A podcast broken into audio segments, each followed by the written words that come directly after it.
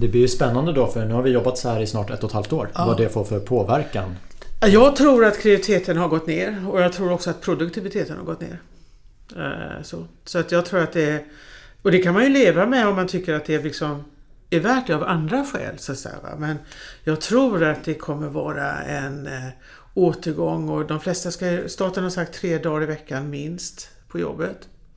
Och det handlar ju om arbetslagstiftning. Jag tror ingen jag som gammal arbetsgivare skulle inte vilja ta ansvar för arbetsmiljö hemma hos folk. Eh, och det kommer bli ryggproblem och annat så att därför man sitter fel och man gör fel. Och sen tyck, finns ju alltid en grupp som inte kan dra gränser när man ska sluta arbeta. Och det där är ju, det är inte bra.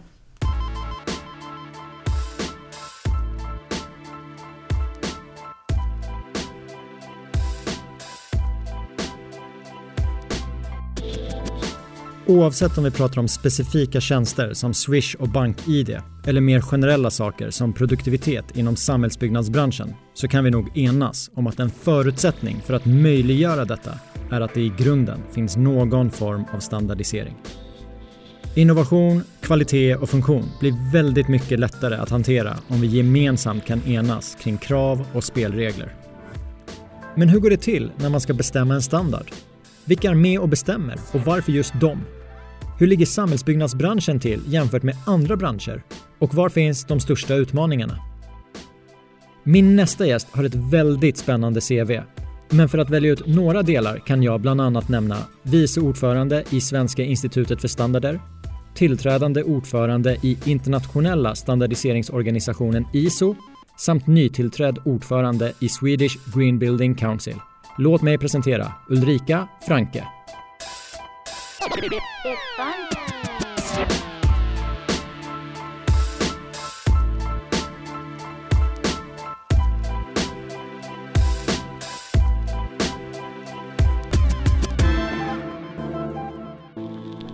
välkommen till hela kedjan Ulrika. Tack! Jag vill börja med att för några dagar sedan så gick jag ut med att du är nästa gäst i podden. Ja. Och en av kommentarerna jag fick var Va? Har du lyckats få Ulrika att ställa upp? Hon är ju så upptagen. Så min första fråga blir ju såklart, vad gör du om dagarna? Nej men jag är inte så upptagen egentligen. Jag, eh, jag har ju inget operativt arbete längre utan håller mest på med olika möten kring eh, verksamheter som jag håller på med. Eh, så det är det jag gör. Och i vilka branscher är du aktiv? Jag är ju aktiv i ja, fastighetsbranschen, bygg fastighetsbranschen naturligtvis. Och så är jag ordförande i ett konsultbolag också. Jag är ordförande i Vasakronan, det, det tar ju lite tid och så. Men så håller jag på en del med standardisering nu. eh, Och så. Så att det, jag håller på att läsa in mig mer på ISO, den internationella världen. Jag pryar nu kan man väl säga eh, i ISO, president elect. Så jag har mycket, många sådana här lite mindre möten med ISO nu, just nu. Förbereder dig inför första januari 2022. Ja, precis. Hur länge har din vardag sett ut som den gör nu? För det har ju inte alltid varit att du inte varit operativ. Nej, jag slutade för något, var det 2018 tror jag? Eh, att vara, ja egentligen 2017. Att vara riktigt operativ och eh, så fasade jag ut det under våren 18. Och sen så har jag då haft lite fritid, bestämde mig för att inte vara så upptagen, uppbokad. Och sen så har jag tagit på mig lite mer uppdrag nu. När jag googlade inför det här mötet Ja. så, så läser jag olika artiklar så får jag intrycket av att du är bra på att driva igenom punkter som finns på agendan. Ja, alltså jag vill ju gå framåt i tillvaron. va. Det, jag, tycker det, det, jag tycker utveckling är kul. Jag tycker när det är kul när det händer saker. Eh, när man får chans att vara med och förändra, förhoppningsvis till det bättre. Eh, det tycker jag är roligt. Ja. Och vilka, Jag är e- målmedveten på det sättet. och vilka egenskaper är viktiga för att lyckas driva igenom punkter på agendan när man sitter i olika styrelser? Jag tror att man ska vara ganska planerad eh, för att göra det. det. Det är väldigt lätt när man sitter med fantastiska människor runt ett bord att eh, prata bort sig för man har intressanta samtal och så. Men jag tror att det är viktigt att man planerar igenom saker och bestämmer sig för vad man ska åstadkomma eh, under mötet, innan mötet. Eh, Så man vet att man kan vara, gå därifrån och vara nöjd. Är det här någonting som du har haft naturligt i, genom hela ditt arbetsliv? Eller är det några speciella lärdomar under resan? Jag vet inte om jag hade det naturligt. Alltså min, min familj tycker jag är hopplös för att jag planerar så mycket. Ehm, och min man brukar säga så här, vad har du planerat för mig idag?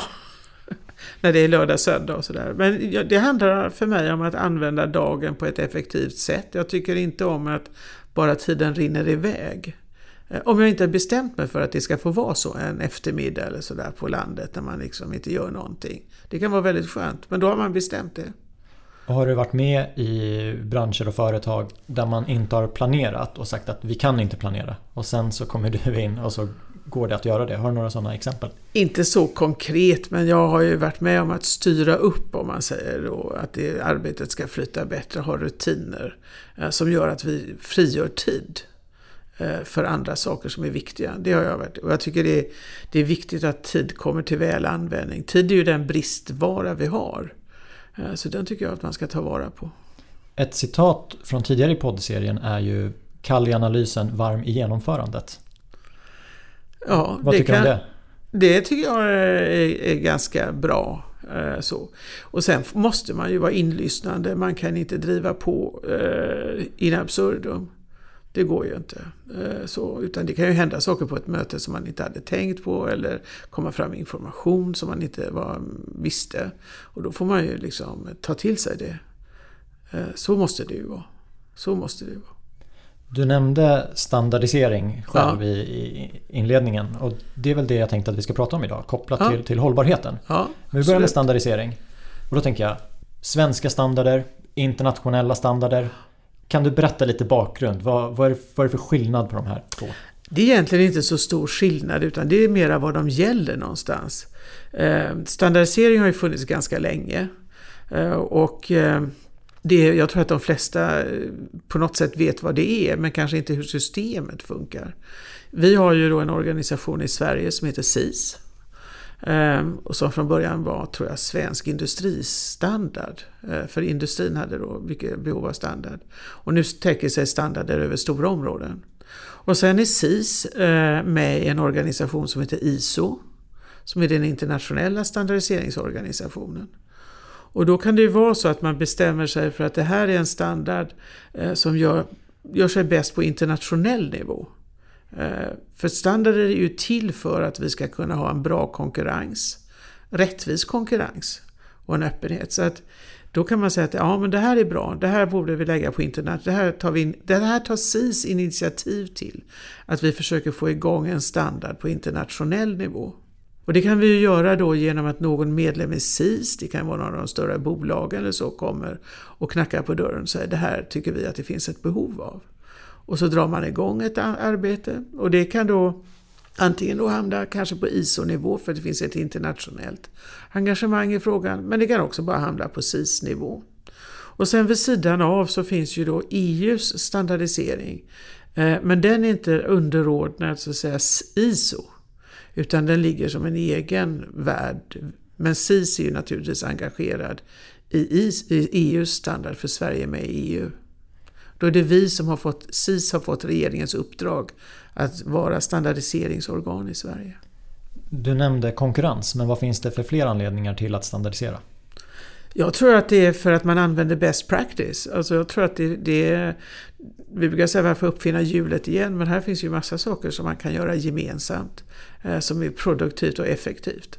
Eh, och som då eh, gör att alla får tillgång till best practice. Hur går det till rent konkret? Om, om jag vill, jag tänker inom det här området så behöver vi göra en standardisering. Ja. Hur, hur, hur går arbetet till?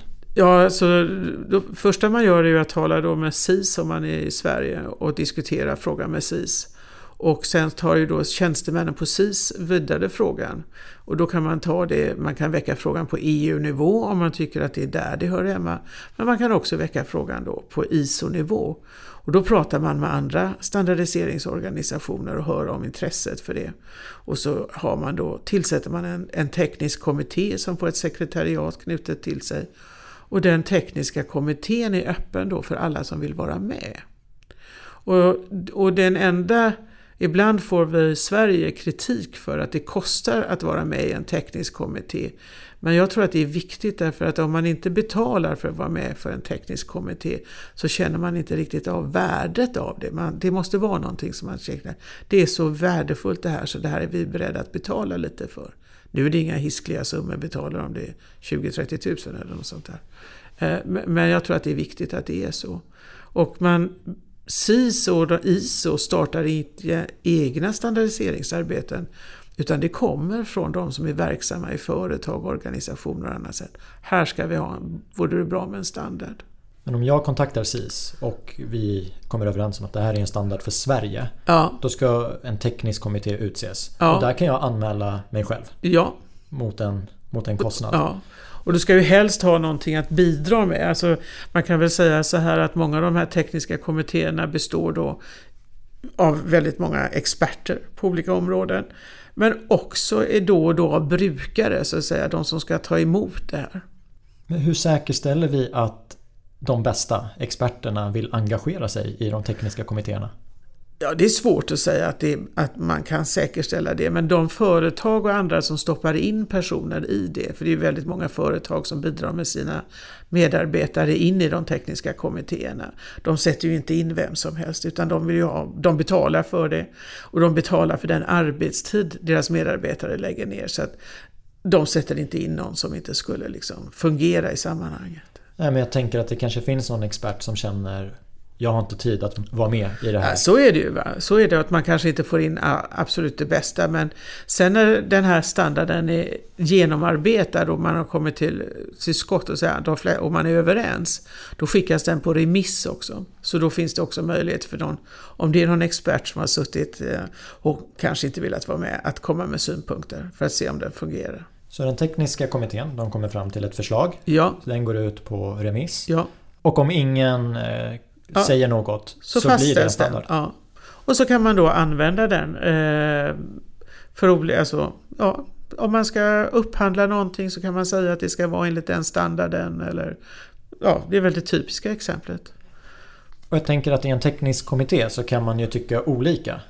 Och hur funkar det? Är det någon Vi försöker ju driva konsensus hela tiden. Alltså därför att eh, för att en standard ska fungera så måste ju det vara så många som möjligt som tycker att den är korrekt. En standard är ju frivillig att använda. Men ska den få något genomslag så måste ju alla ställa sig bakom den. Annars, annars tappar den lite sitt syfte. Hur drivande är Sverige om vi jämför i världen? Är, är vi och vi, är ganska, vi är ganska på eh, och det beror på att vi har haft standardisering länge i Sverige. Ett standardiseringsorgan. Eh, och eh, vi, vi, skulle kunna, vi skulle nog kunna vara mer aktiva än vad vi är. Men jag tycker att vi är ganska aktiva. Vi, vi, är ganska, vi har en ganska bra position i standardiseringsvärlden skulle jag säga. Jag tänker inom bygg så har man ju svensk standard inom olika saker som, ja. som skrivs in i, ja. i byggreglerna. Är det en skillnad i Sverige jämfört med, med andra länder? Eller Nej, är det lika överallt? det är ungefär lika överallt. Och det, det är också så att där kommer det säkert att bli ett skifte nu för att eh, EU eh, tar upp mer och mer standardiseringsfrågor. Vill använda sig mer och mer av standarder eh, för att driva igenom olika frågor. Så att jag, jag, tror att vi kommer få en förskjutning från Sverige, svenska standarder till europeiska standarder. Jag tror att jag vet svaret, men är det bra eller dåligt? Det beror på skulle jag säga. Det, det, alltså, så, EU är en väldigt tung apparat, alltså sen, som det heter då, sen, sen, Senelec. Eh, så det är en annan typ av materia att dra igenom. Vi är, ju lite, är man bara i Sverige så är man ju lite mer snabbfotad. Och då tänker jag framför allt på när man vill ändra i standarden. Eh, för standarder har ju den fördelen till själva till skillnad från regler som kanske är statligt reglerade då, att de går att ändra snabbare om det händer någonting. Medan de officiella regelverken är mycket tyngre. Man tappar lite av den eh, delen när man, det blir en europeisk standard. Å andra sidan så får man ju då en större marknad att jobba på. Eh, så den som vill köpa in varor och annat får ju då eh, en större marknad. Nu finns det andra system också som som finns parallellt. Så att det, det, låter så enkelt när jag säger det här, men det är inte riktigt så enkelt. Men jag skulle säga att det generella svaret är att det blir en större marknad, eh, men det blir också lite mer tungfotat. Jag tänker att i olika länder så kan man ha olika förutsättningar. Med, med, din, med ditt internationella perspektiv, mm. kommer vi närmare varandra med tiden? Eller blir, vi, blir det större skillnader? Nej, jag tycker nog att vi kommer närmare varandra. Nu är min, jag har ju inte varit med så länge på den internationella nivån. Men det jag ser är ju att mitt i den här världen där man kan tala om polarisering och, och handelskrig och så, så, så finns det naturligtvis en del av detta även i standardiseringsvärlden. Men det är ändå så att vi träffas allihopa eh, och förstår den gemensamma nyttan. Så jag tycker att det, är en, en eh, det finns ett sammanhållande kring standarder eh, som alla förstår hur viktigt det är. Jag tänker att det finns en ekonomisk faktor också för att en viss standardisering det, det kan ju ha en viss kostnad. Om, om standarden blir att nej, nu måste vi ha 10 kilo armering per kvadrat ja, istället för 8. Då ja. kanske det är vissa länder som kanske har en fungerande byggproduktion. Nej, men ja. Vi, vi vill inte vara med, vi bromsar där. Finns det sådana hinder med att det går mer mot EU? Ja, men alltså det, det, stand, standarder är ju generellt sett frivilliga och det som, det som vi har en diskussion, där det förekommer en diskussion nu då framförallt med EU, det är ju det här att om Kommissionen använder standardisering för att få igenom sina egna uppfattningar. Då blir inte standarderna frivilliga och då tappar de lite av sin så säga, ja, jag kan inte säga syfte, men fördel. För att de är ju då inte på samma sätt frivilliga längre. Då måste man vid upphandlingar, om man är offentlig sektor, hänvisa till en EU-standard till exempel. Jag känner ju att standardiseringar leder till det bättre. Ja. Men om någon ber mig men, ja, berätta om några standarder som har gjort världen till det bättre. Har du några topp tre? Nej, inte på rak arm så det har jag inte eh, faktiskt. Det kanske, jag, det kanske jag ska ha i bakfickan nu när jag, om jag får sådana frågor som du ställer. Eh, det har jag inte. Men, men eh, generellt sett så kan jag säga att vi har ju den här miljöstandarden ISO 14000 som är väldigt, väldigt vanlig som väldigt många använder. Eh, en och vi har haft eh, om kvalitetssystem 9000 som har också varit väldigt vanlig. Och, där, och nu tror jag att den här ISO-standarden 27001 håller på att bli väldigt vanlig också. För det är IT-säkerhet och alla jobbar med IT-säkerhet. Och det finns ju en dimension med standarder tycker jag som eh, man ska komma ihåg också. Det är att det är lätt att kommunicera. Ja, om du går till ett företag och de har en miljö, eh, certifierad enligt ISO 14000 på miljö, då vet du vad du får av det företaget och hur de jobbar. Samma sak med, med kvalitetssystemet. Och sam, definitivt det med 27001 därför att du vet vilken IT-säkerhet det företaget har. Och ska du då i vår värld, i byggvärlden, så, så vet du hur de hanterar ritningar och andra saker så att du som kund kan känna att här finns ändå en viss kvalitet, en viss standard. Min bild av det eh, är ju att bolag som bestämmer sig för att ja, men nu ska vi kvalitetssäkra mm. enligt ISO i vårt verksamhetssystem. Ja. Ja, men det, det kanske var lite jobbigt att göra det men när man har gjort det så är det ju ganska lätt att följa. Ja absolut och jag tror att det är viktigt om man också förstår att de här systemen inte ska ligga som parallella system till egna system utan att man ska jobba ihop det så, så mycket man kan. Eh, så blir det väldigt bra. Om vi tar samhällsbyggnadsbranschen i Sverige. Hur, hur ligger vi till om vi jämför med andra branscher i Sverige? Ja, alltså jag skulle säga att industri i Sverige ligger långt fram. Eh, dels för att de är internationellt konkurrensutsatta. Eh, och de har också varit de som från början egentligen har drivit de här frågorna. Så att jämfört med, med eh, de stora industrierna så ligger samhällssidan lite efter. Och jag tycker inte det är så konstigt heller därför att samhällssidan är, har alltid varit väldigt starkt politiskt påverkad. Eh, det är, inte, det är inte så många som bryr sig om i politiken vad som, vilka komponenter som åker in i en bil på bandet. Medan i politiken så är det väldigt många som bryr sig om om det ska vara balkongen mot gatan eller balkongen mot gården och hur balkonginfästningar får se ut och hur det får se ut rent allmänt. Så att jag tycker inte det är så konstigt att det finns en, eh, att samhällsbyggandet så att säga, är lite efter när det gäller standardisering. När det gäller produkterna som vi använder när vi bygger, de är ju standardiserade. Men det är ju så att säga den större bilden som inte kan vara standardiserad. Jag tror inte vi skulle tycka det var roligt heller. Och om vi jämför idag med för tio år sedan, så är vi mer positiva till standardisering eller känner du nej, det, det är ingen skillnad? Det beror på i vilket sammanhang man ser standardisering tror jag. Alltså, om man talar om standardiserade byggelement för fasader eller så, så skulle jag nog säga att då är vi mer negativa.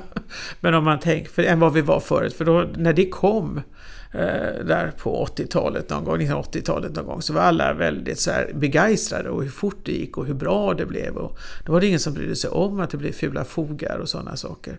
Eh, idag så är vi mycket mer känsliga på hur det blir. Och det är inte så konstigt för tittar man på bostäder så är de väldigt mycket dyrare idag. Så vi lägger också mer hänsyn till det, hur det ska se ut. Tidigare i våras så blev du president elect ja. för ISO. Du går in som ordförande 1 januari 2022. Ja. Och nu, vad, vad kallade du det? Du, du är på prao tills vidare. Ja, det kallar jag. Vad blir din uppgift som ordförande? Ja, jag är ju då ordförande i det som heter Council som är styrelsen så att säga i ISO. Eh, blir det. Och så blir det min roll också att hålla ordning lite på eller hålla ordning och hålla ordning, men eh, ändå känna ansvar för sekretariatet i Genève där det jobbar en 160-170 människor. Och vilka egenskaper är viktiga för att lyckas i en, i en sån roll? Ja, jag tror att man generellt sett skulle vara, ska just vara en bra ordförande, att kunna föra ett möte, att se till att alla pratar under mötet och att alla får säga sin åsikt och att det är en trevlig atmosfär runt bordet. Det tror jag är väldigt viktigt. Är det gemensamt för hela världen? För jag tänkte fråga om nationella och internationella skillnader. Jag skulle nog säga att den internationella världen är mycket mer formellt artig än vad vi kanske är i Sverige. Det är mycket mer formellt när man kommer utanför Sverige vi är, än vad vi är runt bordet. Är det bara i artighetsfraser att man säger Madam President eller är det att man kanske inte vågar säga vad man tycker internationellt?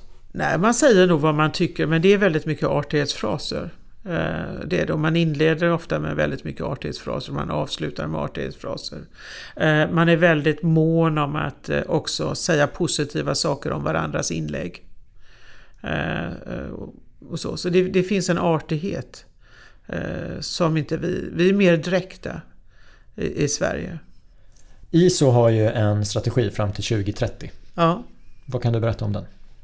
Det handlar väldigt mycket om digitalisering. Eh, för att vi ska kunna få...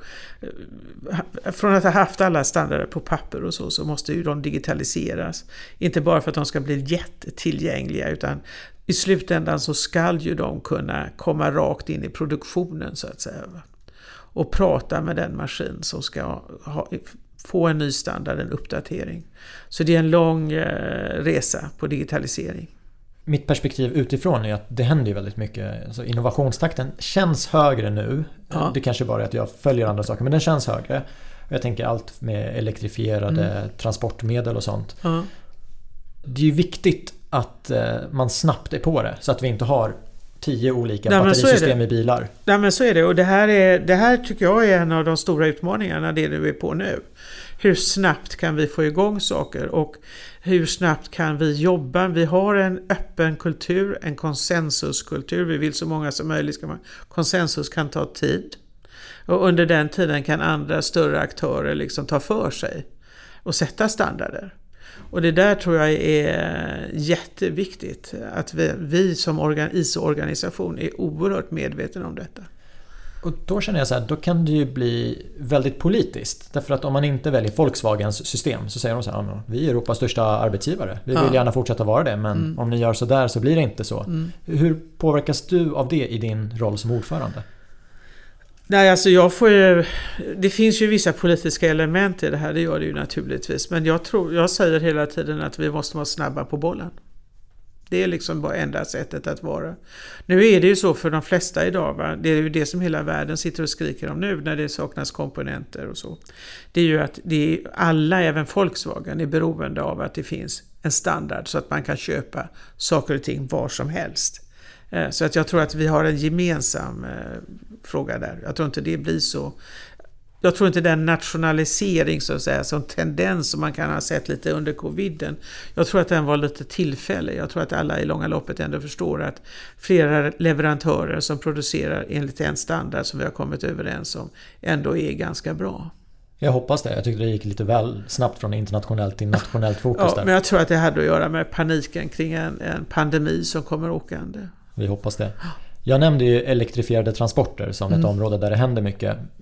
Ser du några områden inom samhällsbyggandet där utvecklingen är snabb och där vi måste tänka på att... Jag tror att det kommer hända en del på materialsidan. Man kan läsa en hel del nu om hur betongindustrin försöker ändå eh, liksom hitta vägar där man kan minska koldioxidutsläppen och så. Och det tror jag, och det är ju en, eh, det är en fantastisk eh, produkt betong.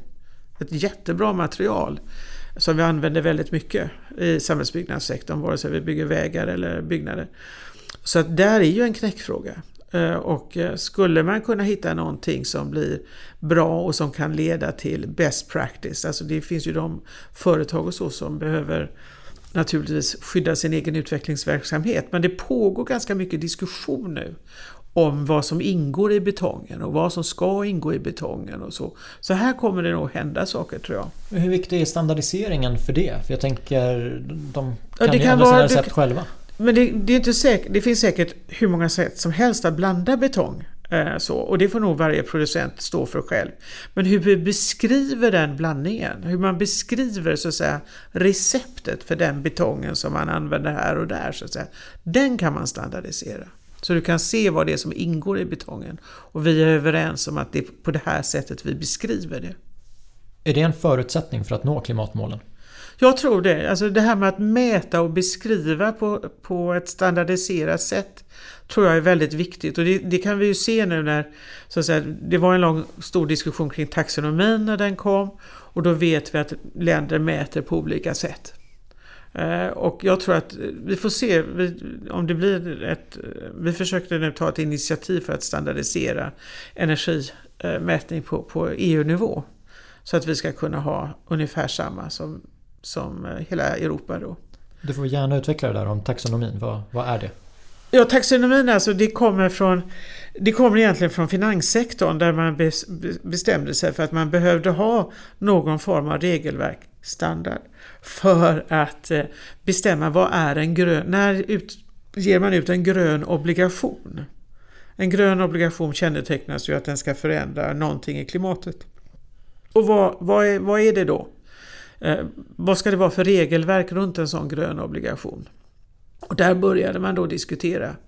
Och det har funnits då en diskussion i finansvärlden för de hade ett behov av det. Och från det sidan har man sagt att ja, då ska det vara de 15% bästa fastighetsbolagen i ett land. De ligger på topp. Och de kan då kanske bli föremål för gröna obligationer. Så att man har, eh, det har kommit från ett helt annat håll kan man säga än hållbarhetshållet. Mera indirekt. Och det håller vi på med nu, eh, alla länder tittar på det. Eh, och det har väl gått till, det tar väl något år innan man vet exakt hur det kommer att se ut. Och om jag uppfattar det rätt så går ju ett sånt förslag ut på remiss då? Så fastighetsbolagen... Ja, det har redan varit, nej, det har redan varit på remiss hos de olika EU-länderna.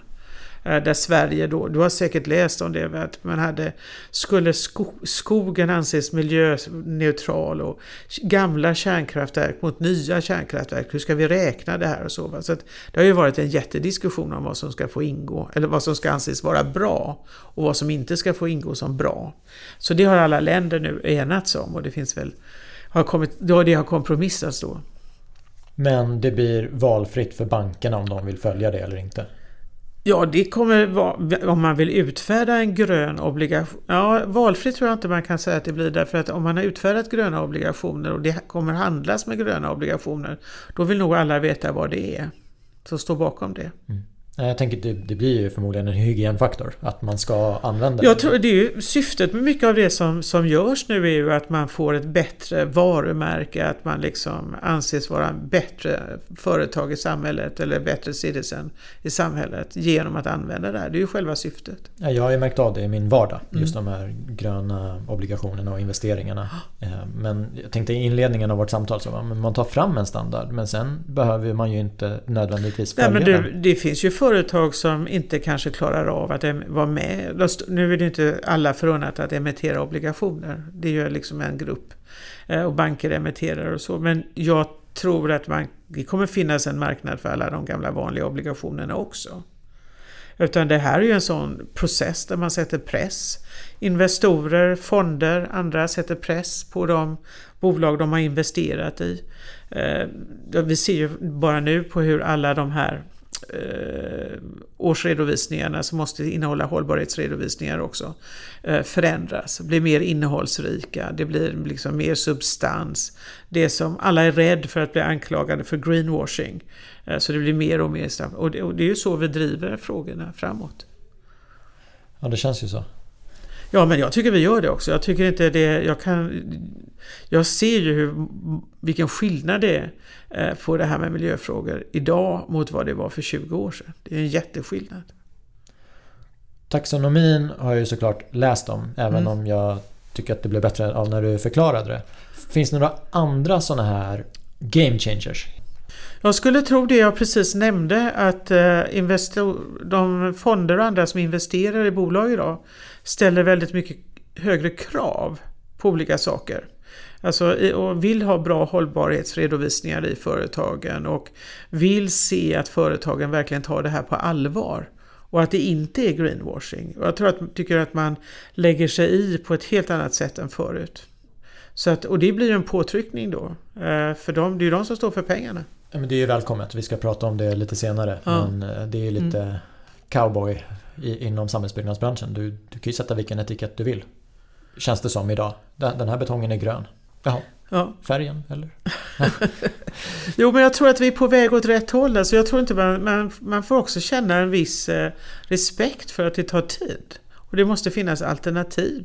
Och samtidigt då som det står, man vet att nya produkter, kanske mer miljövänliga, kanske mer miljövänligt tillvägagångssätt när man bygger då kostar det lite mer samtidigt som det finns en stor diskussion att bygget kostar för mycket redan från början. Så det är ju inte en lätt fråga att liksom eh, ta, ta, ta sig till. Att både få det att bli väldigt, väldigt grönt och samtidigt då kanske till en kostnad så, som är acceptabel. Vi har ju haft en del utveckling. Jag har jobbat i byggbranschen i tio år och jag minns 2011 eh, där när ett projekt skulle svanenmärkas. Folk var inte glada och det var omöjligt och så. Mm. Men nu känns det ju som att väldigt många bostadsutvecklare de kör svanenmärkning. Ja. Så, så det har ju hänt en del. Det är klart. Och då funderar jag lite på min kammare. Så, men vad är det som driver utveckling? Och då har jag skrivit på mitt papper några olika delar. Och det är pionjärsfaktorn, vara först. Det är den ekonomiska faktorn, tjänar vi på det här? Och det kan vara krav från kunder och det kan mm. vara krav från myndigheter. Har jag missat någon? Nej, och jag tror kanske det låg lite i det här första du sa. Jag tror att man vill bygga in det här i sitt varumärke. Eh, jag tror att det, varumärken kommer betyda väldigt mycket mer eh, framåt, även i vår värld så att säga. Vem är det som har producerat den här bostaden? Vet vi vad de står för? Vad är det här för några? Eh, och det där tror jag kommer vara väldigt viktigt framåt. Ännu viktigare än vad det har varit kanske historiskt. Men uppfattar jag dig rätt då som att det är den största faktorn? De andra är viktiga men... Jag tror att all, alla de frågorna du nämnde går det liksom ihop i varumärket. Eh, så. Och det tror jag, jag tror att alla som producerar bostäder gärna ser att det är så också. Att man uppfattas som en god producent. För att man gör de här sakerna som du sa. Och en följdfråga på det då. Var ligger utmaningarna idag? Jag menar vi kan ju bygga hus som blir klimatkompenserade på ett eller annat sätt. Så det blir netto nollutsläpp. Det går. Men, men var ligger utmaningen till att man inte gör det? Eh, jag tror att i nyproduktionen kan vi nog klara det mesta eh, av det vi vill göra. Utan det är ju det, i det befintliga beståndet hela utmaningen ligger framåt. Hur vi bygger om och eh, även bygger om bostäder men framförallt rotar lokaler och så. Alltså där är ju en stor utmaning. Att kunna återanvända så mycket som möjligt av det som man plockar ner. Det tror jag är det. Och där är liksom energifrågan blir ju stor där också. Och jag tänker hur man räknar spelar ju också in. Hur Absolut. länge ska det här huset stå? Är det 50, 100, ja. 150? Mm. Hur bestämmer man en, sån sak? Jag menar husen på Strandvägen har ju stått i flera hundra år. Ja, jag tror att man skulle... Det har ju funnits olika tider i, i, alltså under, i arkitekturen och i, hur, hur, man tänkte. Under modernismen så var det ju så faktiskt att man tro, tänkte att de här husen ska inte stå så länge. Och så hade man material, alltså de kanske... Eh, Hötorgsskraporna är ett sånt typiskt exempel. De var, byggdes liksom modernistiskt med material som visade sig med tiden inte hålla sig särskilt bra. Va? Och det blev en... Jag vet när vi, jag var med när jag var på gatufastighetskontoret i Stockholms stad så ägde vi en sån där. Och det regnade ju in underifrån va? för termiken pressade in vatten och sådär. Och så skulle vi då byta de där fasaderna, fasaden. Och då blev det ju diskussion om vad som var kultur och inte kultur. Men materialet var inte från början tänkt att vara så beständigt. Eh, och det, det, de hade man ju tänkt sig en viss livstid på det där. Jag tänker så här om man har en eh, livscykelanalys och där det är att huset ska mm. stå i 50 eller 100 år. Med den kostnadspress som finns idag. Byggarna vill bygga billigare såklart så att det, fler har råd att bo. Då kan det ju finnas en risk att man väljer material för just den livslängden. Ja. Fast det går att välja sätt som gör att huset står längre. Men, Men man att... hämtar inte hem det någonstans. Alltså det, problemet är ju hur vi gör därför att den som bygger för egen förvaltning kan ju nästan alltid hämta hem det. Men om man inte bygger för egen förvaltning, då är det, blir det lite svårare. För då uppstår ju vinsterna kanske i förvaltningsskedet. För de uppstod inte i byggskedet. Och då tänker jag på sådana här materialval naturligtvis. Om man liksom har plast eller sten eller så, klassiska. Och den som har valt väldigt bra material, kanske de håller. Alltså jag bor i ett hus från 1906. Eh, det är ju samma trappor som alltid har funnits där. Va? Eh, och de har aldrig behövt göras om och man har aldrig liksom, det behöver målas lite då, då och då, men det är allt. Och det är klart att eh, det blir en, en mer, hade det varit en, ett förvaltningshus så att säga, så hade det varit rätt lätt i vissa delar att förvalta. I andra delar betydligt jobbigare då, för att man vill ha modernt och modern teknik och sådär. Så att jag tror att, jag tror att det är en, bygger man för egen förvaltning så kan man ta hänsyn till mycket mer sådana saker. Än om man bygger till exempel för bostadsrätter eller så. Och det är den vardagen vi har, att vissa aktörer bygger för egen förvaltning. Men vissa bygger och har en ansvarstid på ja. fem år för synliga fel och tio år för dolda. Ja. Om vi vill få till en skillnad, mm. vi vill göra annorlunda. Eh, och då har jag återigen skrivit på mitt papper. Så här, vems ansvar? Vi har ju finansinstituten som ger krediter. Mm. Vi har beställarna som beställer huset. Bolag i branschen mm. som projekterar. Vi har politiker. Och jag förstår, alla bär ett ansvar. Men går det att dela in vem som ansvarar för eh, vad? Jag, jag kommer tillbaks till det jag sa förut, varumärket. Jag tror att det blir viktigt att veta vem som har producerat bostäderna och vad de står för. Eh, och jag, jag vet ju vilka, att det finns bolag som är bättre än andra på det där och som har funnits länge i branschen och som vill vara kvar länge i branschen. Eh, och familjeägda bolag som har funnits väldigt länge och som bygger med hög kvalitet. Så jag, jag tror att eh, det handlar lite om varumärken. Att man kan säga att det här är byggt av det här bolaget, så det är bra. Ja, jag, jag håller med dig. Men samtidigt om jag letar efter en bostad så kollar man ju ofta Adressen. geografiskt läge, planlösning och pris. Och ja. om det är ett bolag jag aldrig hört talas om Ja, det är klart att jag kan bli lite skeptisk. Men så tänker jag att det finns ju regler och ramverk. Det här borde hålla. Det är hålla. klart att det finns en grundtrygghet i det att det finns regler och ramverk och så. Men samtidigt, jag kan ju bli lite förvånad. Jag har varit i den här branschen nu i många år. Att man, när man gör sin största investering någonsin. Eh, så kanske man inte tittar på saker och ting som kan betyda väldigt mycket. Ja, och ibland känns det som att även om du upptäcker att trappan i trapphuset inte kommer hålla. Jaha, det är den vardagen du har. Någon annan kommer köpa den här lägenheten och då kommer ja. du inte hitta något. Men jag tror att det, ja, ja, det kanske är bara vi som är i branschen som ser det där vad som, vilka som är bra byggare och, och lite sämre byggare. Nu ska jag säga att i Sverige har vi väldigt bra byggare generellt. Eh, så vi har inte så mycket av det här fusket och besvärligt när det gäller flerfamiljshus. Det, det får man säga. Utan det är ju mera på, i villabebyggelse och annat det kan dyka upp saker och ting som är väldigt eh, ja, besvärliga helt enkelt. Men varumärket är, det är en faktor, det är en väldigt stor faktor. Men vilka delar behöver göra mer? Eller vad vill vi se mer av för att vi ska få till den här kvalitetsökningen? Ibland kan man ju fundera på om det är så att vissa av regelverken låser fast den. Eh, I att alla gör ungefär samma sak och det är väldigt lite nytänkande. Det finns ju en risk i en, i en värld som är väldigt reglerad som byggandet är. Att det blir lite nytänkande och att man inte gör så väldigt mycket. Därför att det, reglerna i sig är så eh, styrande. Och det kan väl vara en risk. Är det så i Sverige? Ja, lite. Alltså, jag ska inte sitta och raljera men det är klart att det finns ju... Man kan diskutera hur mycket bygglov som ska krävas för olika saker. Eh, det var ju, blev ju en jättestor grej när man fick bygga nu en altan. Eh, och alla säger wow! Och så ska man tänka, det är, inte, är, det, är, det, är det vettigt att vi inte har fått göra det?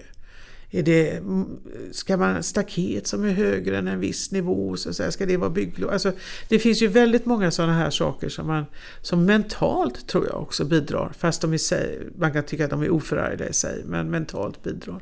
Det är inte bara bygglovet. Jag tänker bygglov, någon form av kvalitetssäkring är det. Men det är, det är rätt så många som kan tycka till. Om jag vill ha ett staket som är högre än 1,10 det är inte bara mina grannar som kan tycka till. Nej, det är, det är ju faktiskt många. några hus bort också. Ja, det är väldigt många. Och, det, och då kan man säga så här, och det är det jag lite menar, så, så här, låser inte tycket, för det är ju en, det är en sak. Men om man har sådana detaljerade saker, framförallt då på andra ställen, så här, vad är det som driver utveckling då? Vad är det som gör oss annorlunda?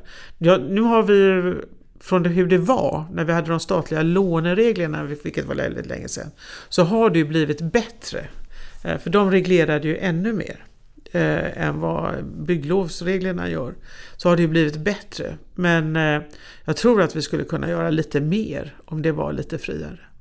Finns det en risk i ISO-arbetet också? Att man kommer till vissa punkter där det är svårt att komma vidare för att folk tycker Absolut, är det så. Det, det, finns, jag kan inte på rak arm, men jag kan tänka mig att man börjar ett standardiseringsarbete som inte leder till en standard för man kommer faktiskt inte överens. Två saker som jag upplever har förändrat rätt så mycket. Det var ju dels när ja, men det här nya lagförslaget eller lagen om att alla hus, bygglov, du, du ska skicka in en klimatdeklaration. Ja. En livscykelanalys. För det både medveten gör ja, och, och sen absolut. så blir det en förändring i branschen. Och det du var inne på med finansinstituten med gröna mm. obligationer. Vad vill vi se mer för saker? Jag, tyck, jag, jag, tror att man ska vara lite försiktig med, med så att säga, regleringar för jag tror att vi lever i en tid nu där företagen själva kommer vilja visa framfötterna. Ja, det, jag tycker att det går väldigt fort i näringslivet nu och nästan så att politiken kommer lite efter faktiskt. Eh, och, och det ser man också internationellt hur stora företag ändras och hur mycket man tycker på miljö. Så att eh, det är en väldig fart och väldigt kraftfull förändring som pågår och man kan titta på reklam, hur, var det, hur det, man lyfter upp sig, hur man ser. Det var ju faktiskt så att om det var förra veckan så hade ju det stora oljebolaget Exxon bolagsstämma i USA. Eh, och där var det ju så att några direktörer byttes ut som inte ansågs vara så säga, tillräckligt gröna då om man får uttrycka det så. Eh, som var föreslagna och det var ju en jättestor händelse. Så att ja, det händer saker. Väldigt stora saker. Ja, det tycker jag är en jätteskillnad när man läser om olika bolagsstämmor. Ja, alltså det, alla de här frågorna är uppe. Man diskuterar det och det är därför att vi, vi känner konsumenter, kund, alltså kunder indirekt, jag bara säger business to business och så. Man ska deklarera vilka man håller på med. Jag tror att de här hållbarhetsredovisningarna kommer vara jätteviktiga för företagen. De kommer granskas av fonderna eh, och de kommer verkligen se till att man lever upp till det man har skrivit i de här. När du pratade om industrin så nämnde du ju den internationella konkurrensen. Den finns ju inte riktigt i samhällsbyggandet. Visst, det kommer lite utländska bolag och, och kör enstaka projekt. Ja, det är väldigt det, inhemskt. Ja, hur, hur märks det att samhällsbyggnadsbranschen inte har den internationella konkurrensen i utvecklingsarbetet? Jag tror att det innebär att det går lite långsammare. Jag, jag, tycker det, jag följer lite nu den här diskussionen om hur man tekniskt ska lösa snabbspår genom Sverige. Och där har du väl en sådan sak. Alltså där man talar om det ska gå på bropelare över landskapet eller om det ska vara betongbroar som ligger på marken eller om det ska vara klassiskt. Alltså jag tycker, och det visar ju då så att säga, vi gör väldigt lite tågbyggande i Sverige. Andra länder, kineserna har ju byggt otroligt mycket nu de, de sista 20 åren. Eh, och det, vi, kan inte, vi kan inte vara lika duktiga som de stora länderna i det här. Vi är 10 miljoner människor, vi måste förstå det. Men jag tror att vi ska vara duktigare på att hämta information utifrån, hämta in informationen utifrån och se vad som går att göra. Eh, tekniskt framförallt. Det, det tror jag är, och det kanske vi skulle vara lite bättre på. Du, jag tänkte säga grattis! Ny ordförande i Swedish Green Building Council. Ja. Kul! Ja, jag tycker jag är kul. Vad är det som lockar med det uppdraget? Jag tycker det är kul. Jag har eh, första gången jag höll på med sånt här energisparande, byggande var ju då på, eh, när, efter oljekrisen. Eh, när vi började bygga energismålt och det blev mycket experimentbyggande. Och allt blev fel vi konsumerade, vi, vi biffade på fasader eh, och eh, det blev ju bra på uppvärmningssidan men sen så konsumerade vi ju el på ventilationssidan istället så totaliteten blev ju inte så himla bra. Alltså. Så det var väl då jag började eh, intressera mig för de här frågorna. Eh, och eh, hur svårt det är eh, att få till bra energilösningar. Eh, och har följt frågan eh, tror jag ända sedan dess. Och så under ett tag så var jag ordförande i något som heter Kretsloppsrådet eh, som handlade mer om hela bygget och sådär. Och det försvann ju då så här, när, inte minst när SGBC och så bildades. Så att jag tycker de här frågorna är jättespännande och har följt dem i många år. Riktigt kul, utmanande frågor. Du nämnde att det är svårt och då tänker jag så här, vad är det som är svårt? Är det att komma på uppfinningen eller är det att ja, men om vi ska ha ett fjärrvärmesystem så måste det finnas ett fjärrvärmenät, bergvärme, det måste ha tillåtelse att borra? Jag, jag, tror att det det, jag brukar beskriva det med de gamla mjölkförpackningarna som gjordes på, på återanvändbart papper. Och för att de skulle kunna an, man skulle kunna använda återanvändbart papper så var man tvungen att plasta insidan. Och därmed var den inte komposterbar så att säga. Så att det som var bra i det första steget blev negativt i nästa steg.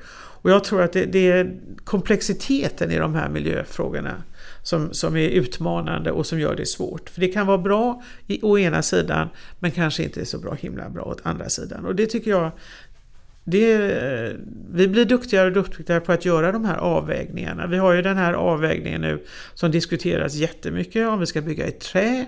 Ja, det är inte bra på kort sikt, alltså, för nu ska vi spida mot 2030 och, temperaturen måste komma ner. Och då ska vi inte hugga ner mer skog för de måste verkligen vara där för att suga upp koldioxid. Men på lång sikt är det ju jättebra, va? för då kommer det ju nya träd som suger upp koldioxid. Så alla de här sakerna gör ju att det blir så komplext. Eh, och att man måste göra då avvägningar varje gång. Så att eh, jag, jag, tycker det är, det är det som är fascinerande med de här frågorna. Ja, bygger man i trä så teoretiskt är det ju negativa klimatutsläpp om man gör det på rätt sätt. Ja, så att du ser, det är liksom de här sakerna som är, tycker jag, är väldigt spännande. Ett citat i samband med utnämningen från dig. Då sa du så här. Det kommer att komma mycket smarta lösningar och mycket nytänkande. Spännande tider väntar. Och då vill jag ju vara, men kan du ge, kan du ge några exempel? Vad, vad väntar vi på? Nej men jag tror att det, de, de har ju redan börjat. Det är ju det här som vi kallade proptech som kanske heter cleantech nu då eller något sånt där. Man byter ju namn hela tiden. Det hette väl Internet of Things när det började tror jag. Men det är klart att alla de här nya tekniska lösningarna gör att vi kan göra mycket mer finurliga saker. Eh, vi kan se till att eh, energin formas eller används på det sättet när människor är i huset. Och beroende på hur många som är i huset. Eh, vi kan till och med minska våra effektuttag i fastigheterna och så. Vi kan göra väldigt mycket mer framöver. Eh, och det har ju bara börjat.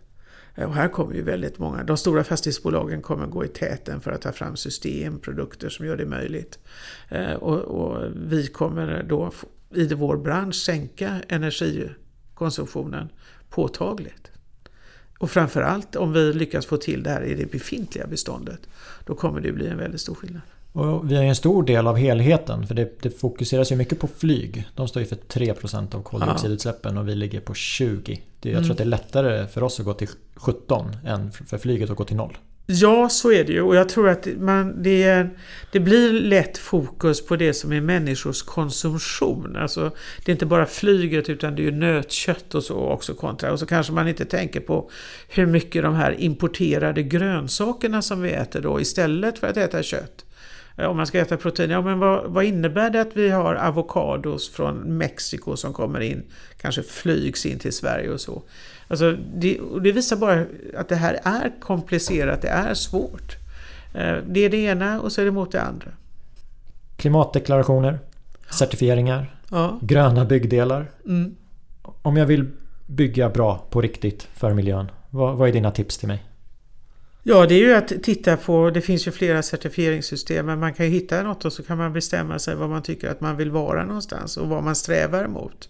Och vad man vill ha, hur många poäng så att säga man vill ha i det där.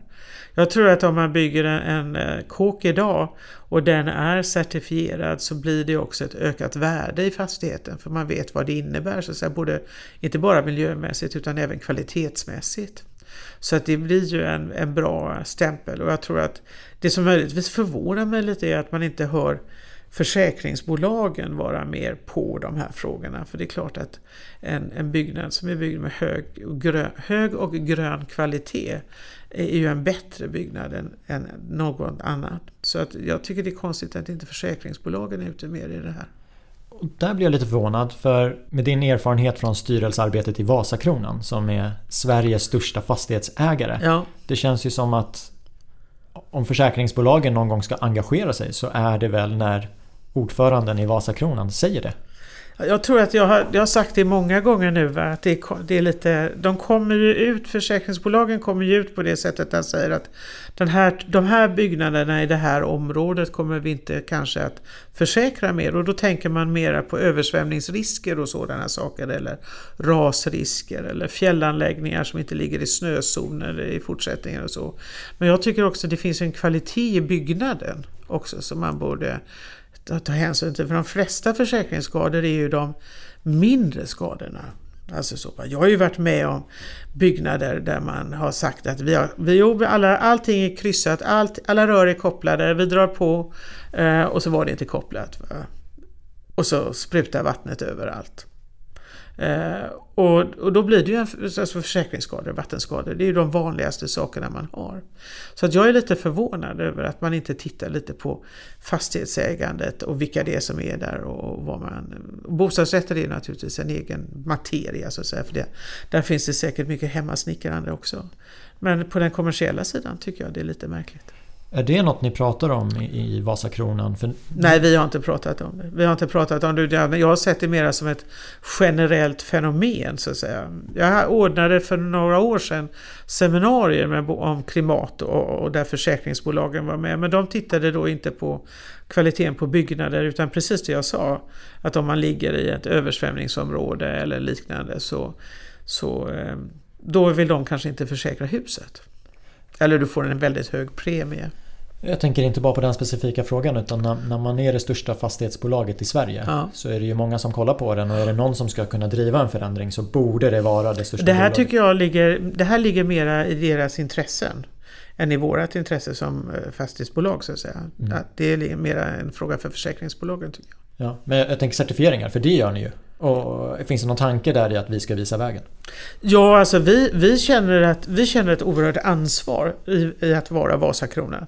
Absolut, och vi fick ju vårt sista hus nu, ett av i Sergelhusen, fick ju väldigt höga betyg eh, faktiskt.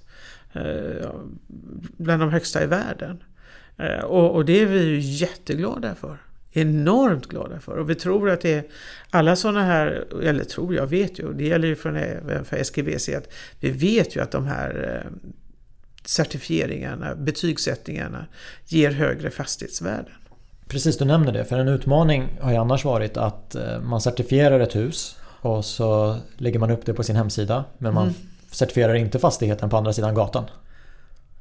Nej men det kan ju vara då att det är en, en, det är en mycket svårare resa att göra det för det är en befintlig kåk. När man bygger nytt är ju allting så mycket lättare. Mm. Eh, Medan eh, när man går in i en befintlig fastighet så är det lite svårare. Och du måste ju också hitta din ekonomi i det där också. Så det, det är många saker som ska samspela. Ja, men det låter ju som när jag lyssnar på dig nu att eh, den ekonomiska faktorn den ligger inte långt bakom att vara först-faktorn längre. Nej, jag tror inte man kan säga att det, det är ju en hygienfaktor på något sätt att man ska ha en avkastning på det man gör. Eh, men du gör inte det till vilket pris som helst idag. Eh, det, det tror, jag man, tror jag väldigt många aktörer idag skulle säga, nej inte till vilket pris som helst. Du vill inte förstöra ditt varumärke. Eh, och du vill inte ha hyresgäster som klagar på att de bor i en dålig kåk och sitter och pratar om det. Utan det finns en balans i det där. Vi spelar in det här avsnittet i juni 2021, mitt i en pandemi, även om vi kan se ljuset i tunneln. Ja. Vad har vi lärt oss under pandemin? Jag tror att vi, en av de stora sakerna vi har lärt oss, som kanske, det är ju himla bra vi har varit på att ställa om. Eh, faktiskt. Alltså det är ju en... Eh, all, nästan alla har jobbat hemma. Det har funkat någorlunda. Eh, det har gått. Vi har lärt oss att bli digitala på ett helt annat sätt. Jag tror att den digitala utvecklingen kommer, om när man tittar tillbaks, så kommer man, man kommer kunna se pandemiåret så att säga. För det tar ett jätteskutt uppåt. Eh, så. så människor som inte har behövt lära sig sin dator har ju tvingats det för man har ingen IT-avdelning som sitter i köket och väntar på att man ska få hjälp utan man har ju fått fixa mycket själv. Så jag tror att det är en, det är en jättestor förändring på den sidan som vi har genomgått under pandemin nu.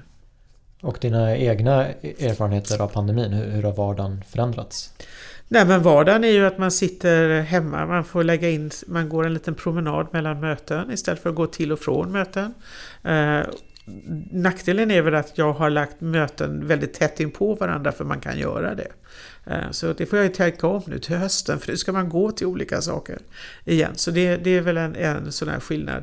Men jag tror att också att det är en eh, det har blivit lite tråkigare, det får jag ju säga. Det är ju liksom, även om man sitter med många på möten och så, så hade det varit roligare att träffas också. Och jag kan säga att som, eftersom jag har gjort det nu då när jag pryar på ISO, så det är klart att man sitter med 20 människor som kommer från 20 olika länder eh, på, på Zoom, så hade det varit väldigt mycket trevligare att träffas. Jag vet att vi har en sommar framför oss men jag längtar till hösten. Vi pratade tidigare om 2030-perspektivet och jag tänkte avsluta det här samtalet med Vad behöver jag ha koll på fram till 2030? Vad, vad är det jag ska bevaka? Vad kommer hända? Jag tror att det kommer hända väldigt mycket på den här tekniska utvecklingen i våra fastigheter om vi talar fastigheterna. Det, det tror jag kommer bli eh, jag ska säga nästan revolutionerande eh, på hur vi driftar våra fastigheter eh, och sköter de, de interna systemen. Det tror jag kommer bli väldigt, väldigt annorlunda. Jag tror att det, vi redan idag ser ju att det är helt andra yrkeskategorier som går in för att ta hand om fastigheterna. Eh, och vi kommer styra mycket mer. Vi kommer prata om Kanske på att det är lite integritetsfrågor runt det där. Eh, så för man kommer se vilka som går in och ut. Våra telefoner kommer tala om. Kommer säkert prata med systemen. Och då kommer vi säga så här, ja men hur mycket ska fastighetsägaren veta om vad jag har haft för mig i huset och sådär. Och jag tror att vi kommer använda telefoner och annat som sensorer och så, vad vi rör oss. Jag tror att det kommer bli en enorm teknisk utveckling. Du nämnde telefon och inte chip i fingret. Nej, jag tror att chip i fingret tror jag är lite sådär att gå lite långt. Men det kanske är min personliga grej. Det kanske visar sig att det är det mest praktiska av allt att ha och så faller man för det. Man ska vara ödmjuk och öppen för förändring men eh, jag, jag håller med dig. Det där känns nog ändå som en gräns tycker jag. Tack för att du gästade hela kedjan Ulrika. Tack så hemskt mycket för att du var här.